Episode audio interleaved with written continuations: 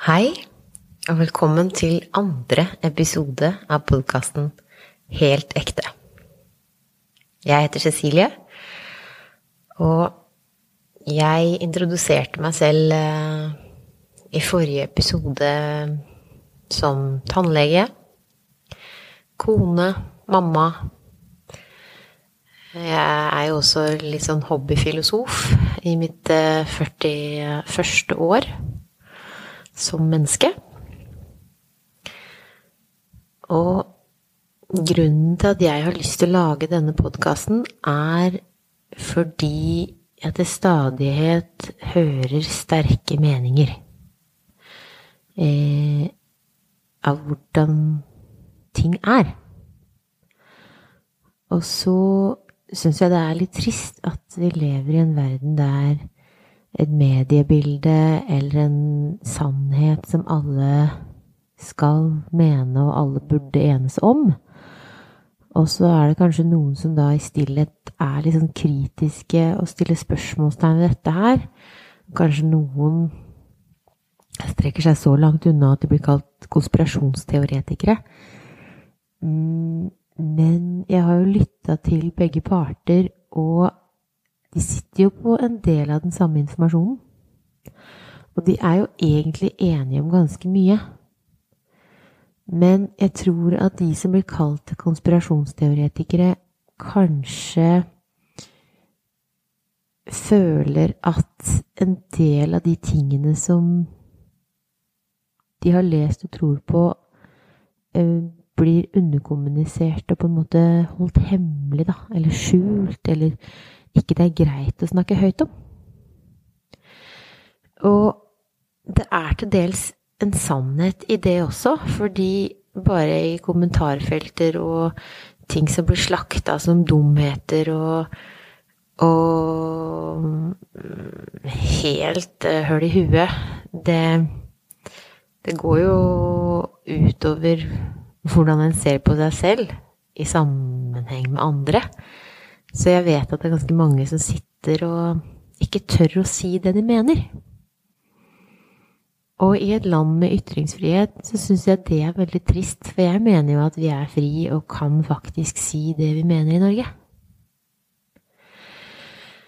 Og da tenker jeg at vi kan gjøre noe med den tonen, da, eller settingen, eller respekten for de vi prater med, sånn at vi faktisk kanskje kan få mer ut av det som blir sagt i en diskusjon. Og jeg er en person som eh, da jeg var yngre, hadde et stort kompleks. Og det var at jeg ikke hadde noen meninger. Jeg var eh, Da jeg var 14, så søkte jeg på eh, en interchange, en utveksling, med en organisasjon som het CSV. Og vi var en gruppe på tolv ungdommer som skulle være i Brasil i en måned. Og først den ene sommeren så skulle det da komme en delegasjon fra Brasil og besøke oss. Og året etter så skulle vi besøke de. Og der i denne gruppa så var det jo da satt sammen ganske sterke personligheter. Og mange var ganske engasjerte og visste mye mer om verden og politikk og eh, sånne ting enn meg. For jeg har jo egentlig aldri blitt introdusert til det da jeg var yngre. Og når folk spurte meg da hva jeg mente om en type musikk, eller hva jeg mente om forskjellige ting, så uh, visste jeg jo egentlig ikke helt Jeg syns jo kanskje begge deler hørtes litt ålreit ut. Og hvis jeg først sa én ting, og så tok de meg på en måte i å mene noe annet, så blei jeg liksom hengt ut for det. Og så følte jeg virkelig at hva er det jeg skal mene noe om, da? Kanskje jeg bare er en sånn person som ikke har noen meninger? Og det hang ved meg faktisk helt til jeg studerte tannlege begynte jeg å skjønne kanskje at jeg har meninger når jeg faktisk har noe jeg brenner for eller bryr meg om. Og seinere nå de siste årene så har jeg jo sett at jeg har mye meninger og engasjement når jeg faktisk eh, får tent da, en liten gnist av hva faktisk jeg eh, er, og hva jeg faktisk ønsker å bidra med for å påvirke omgivelsene mine til noe positivt. Og jeg er jo da, når jeg snakker om politikk og media og ytringer og ytringsfrihet, så er jo det ganske stort. Men eh, jeg ser det jo i daglige samtaler med venner, med partner, i krangler, eh, på jobb. Man diskuterer jo ofte ting ganske sånn hardnakka og konsekvent, at man ikke kommer til enighet. Og da er jeg litt sånn at det er kanskje det som var jeg anså som mitt store kompleks da jeg var liten. Og noe jeg syntes var skikkelig, skikkelig trasig ved meg sjøl. Nå ser jeg kanskje at det er en styrke. Kanskje det at jeg lytter og klarer å se at begge sider er litt sanne. Og jeg kan kanskje være en megler da, mellom de to som er litt uenig, til å faktisk se den andres poeng. Og se at de kanskje ikke er så uenige som de skal ha det til i utgangspunktet. Så kanskje det er min fordel. Kanskje det er min styrke. Og det er jo det man snakker om i mental trening og i det hele tatt at det man trodde var sin svakhet, viser seg å kunne være en styrke. Og i dag så ble jeg veldig inspirert eh, av en pasient som kom. Eh, og hun har vært gjennom en del behandling. Og hun kom og sa hun, Unnskyld, nå ikke bli sinna på meg, men jeg må fortelle deg en ting. Og så tenkte jeg Hva er det nå? Hun hadde ikke fått til å gjøre det hun skulle, uh, som jeg hadde gitt henne i oppgave. Hun hadde ikke fått med seg alt, og hun orka ikke å gå gjennom noen stor behandling akkurat nå, fordi hun hadde fått høre at av um, lungelegen sin før ja, i høst en gang at hun ikke kom til å leve så lenge. Og hun hadde spurt om hun kom til å leve til jul, og legen hadde sagt mest sannsynlig ikke. Og legen hadde sagt at du kommer til å dø en smertefull død. Og det var sånn I hvert fall sånn hun hadde oppfatta den samtalen. Og hun hadde ikke så høye tanker da om disse legene på lungeavdelingen. Og hun sa det også at det å være røyker, det har blitt en veldig stor belastning. For denne pasienten røyker, har dermed periodontitt, som er en sykdom man får når man røyker, der man kan miste tennene sine. Og hun har også da lungesykdom, som da er en naturlig følge av røyking. Men så sa hun det at jeg som røyker, jeg vet jo hva dette her fører til, og at jeg kan skylde meg sjøl for denne sykdommen, og for at jeg har dårlige tenner, og for at det koster masse penger.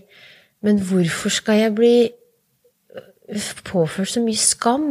Hvorfor er det så mye shaming fra alle på de som røyker? Og dette var en, en stor belastning for henne, og da hun var på lungeavdelingen og skulle få behandling, så var det eneste hun hadde lyst på, var en røyk.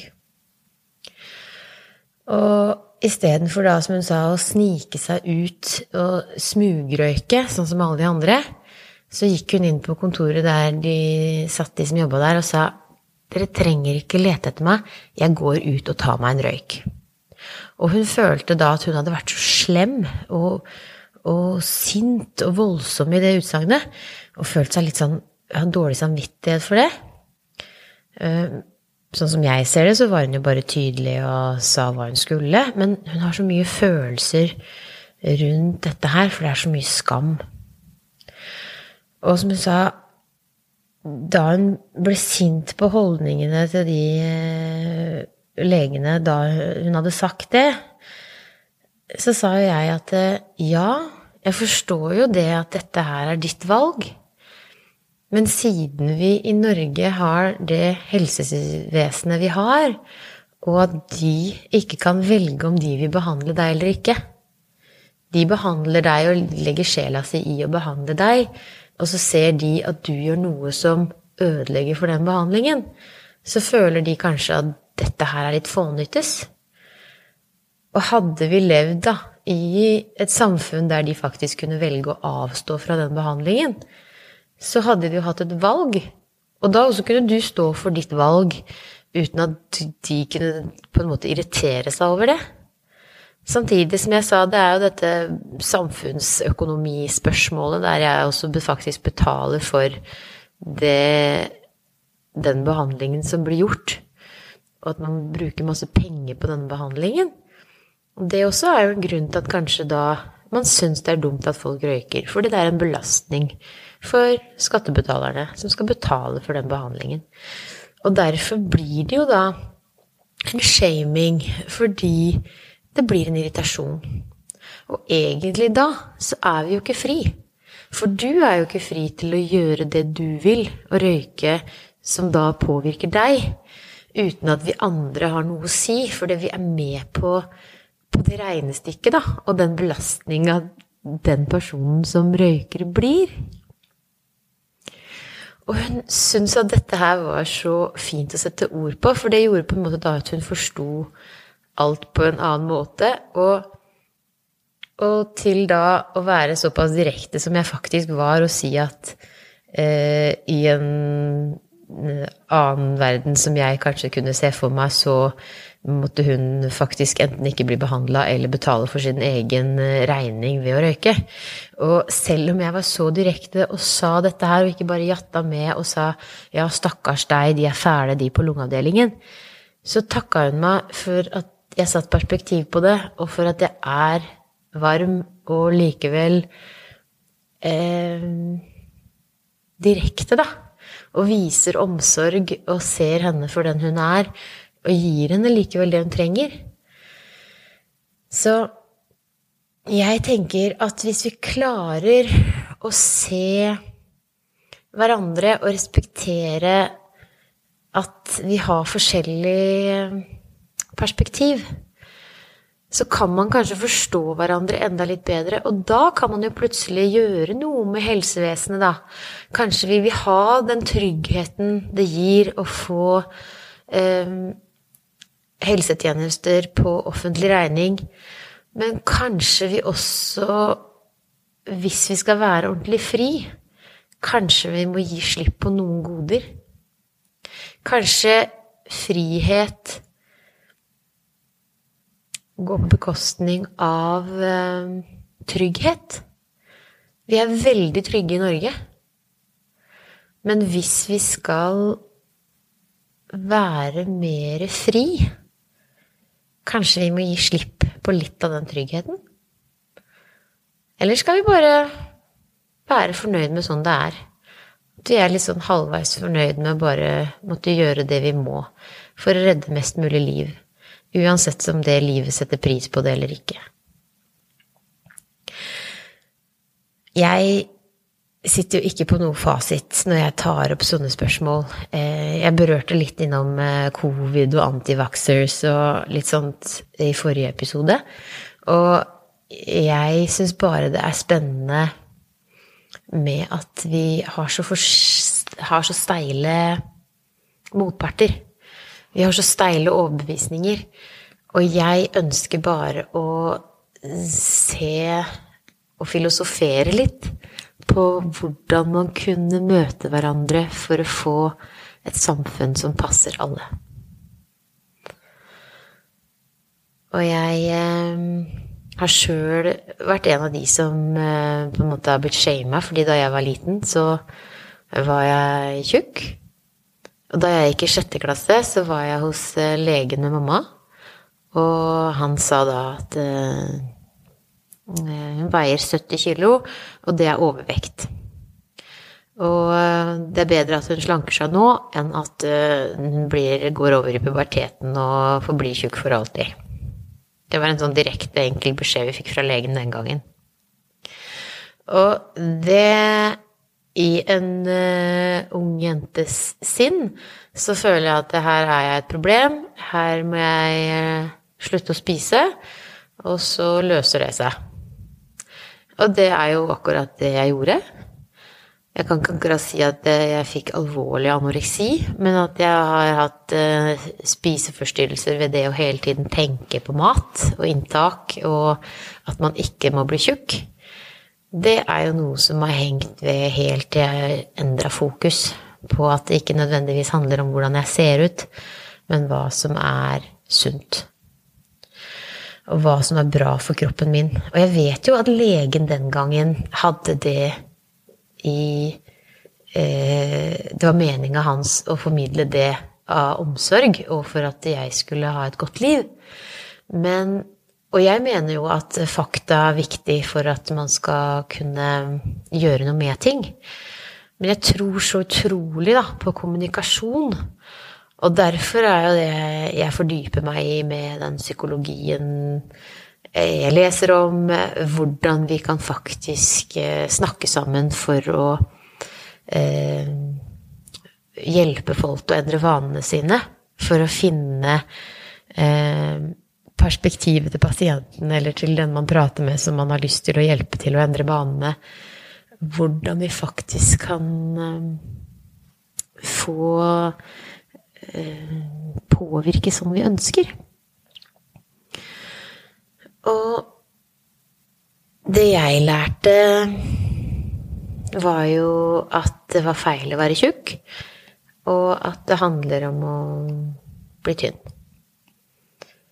Og da har jo veldig mye av min tankevirksomhet dreid seg om det. Noe som jeg syns er dritkjipt. For det er jo ikke viktig i det hele tatt hvor mye man veier, eller hvordan man ser ut. Så lenge man da gjør noe man liker, man eh, spiser det kroppen trenger, Istedenfor at man skal ha det fokus på at man må trene fordi det er sunt, så kan man jo trene fordi det er gøy. Man kan finne en eh, treningsform eller et eller annet aktivitetstidsfordriv som eh, man liker å gjøre, istedenfor at man må gjøre alt. Og samme med, med mat. Det er så mye, i hvert fall i min oppvekst, som handler om å kose oss, og all med kos, det handler om mat og hva vi skal spise. Og da er det jo ikke så veldig lett når man da tenker at man må ofre seg hele tiden for ikke å spise, og tenker at man går i fornektelse hele tiden. 'Nei, jeg kan ikke det. Kan ikke unne meg.' Og da blir det jo sånn at når man dekker over masse følelser, og dekker over at uh, man ikke har det bra, da er det jo eneste man har lyst til å spise. Så det prøver å si, da, at jeg tror at det det med de som røyker, og de som spiser for mye, de vet jo at de ikke burde røyke og ikke burde spise så mye. Men utfordringen er jo å forstå hva gjør at vi røyker? Hva gjør at vi spiser for mye? Og gå inn i, i psykologien og finne ut av hva er likhetstrekket mellom de som tar de valgene? For hvis man da finner ut av det, så kanskje egentlig eh, problemet med at flere og flere blir overvektig, ikke har så mye med at ja, det er eh, stor tilgang av mat i butikken, men hva er det i samfunnet vårt som gjør at det er så utrolig mange som er inaktive og spiser så mye at de blir syke av det? Det er jo kjempespennende. Det er jo ikke så Det er jo litt sånn gammeldags å vite at ja, vi øh, vet at inntak og uttak, det er et enkelt regnestykke. Men etter hvert også som vi eh, ser at medisinen ikke bare handler om å skjære ut sykdom og sy igjen, men at det er veldig mange fysiske sykdommer som, med fysiske symptomer som smerter i kroppen, og som har nå eh, er følge av traumer. Og uh, det som har vært påført psykisk i ung alder, det har ført til spenninger og kroniske smerter i kroppen. Og det er liksom veldig mye av den derre psyken og ting vi har opplevd, som setter så sterke spor. Og hvis vi klarer bare da å ikke bare vente til man blir skikkelig skikkelig dårlig om å legges inn uh, på, på psykiatrisk, eller bare må gå til psykolog fordi man er så deprimert, men at man kan tenke seg at dette her er som å gå til tannlegen. da, At den beste behandlingen egentlig er å gå jevnlig, ha et sunt forhold til det fra ung alder. Det å prate om følelser, det å prate om hva man ønsker, det å prate om hvilke mål man kan sette seg, det å kjenne på eh, lysten til å leve fordi man har noe man gleder seg til. Hvis det hadde vært fokus fra vi er små, og ikke bare alt vi må fortrenge for å gjøre det som forventes av oss overalt. Så kanskje ikke alle hadde Eller så mange hadde trengt å drive med atferd som er dårlig for helsa. Så det er jo det jeg syns er litt spennende med å lytte til folk. Mange forskjellige oppfatninger av at andre kanskje er slemme ved å si ting. Og når jeg er likevel så direkte at jeg kan være eh, ta motpartens parti når de uttrykker, og fortsatt da bli eh, takka og, og sett på som et godt menneske, så tenker jeg da er det jo mulig, da, at vi kan snakke til hverandre med respekt og kjærlighet og et oppriktig ønske og om å ville den andre vel, selv om man er uenig. Og først da tror jeg at vi kan finne løsninger på de skikkelig, skikkelig store problemene.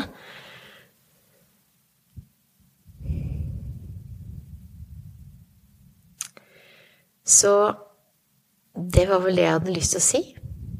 Etter hvert i denne podkasten så har jeg også lyst til å ta litt sånne vedtatte sannheter som eh, man bare tenker og tar for gitt.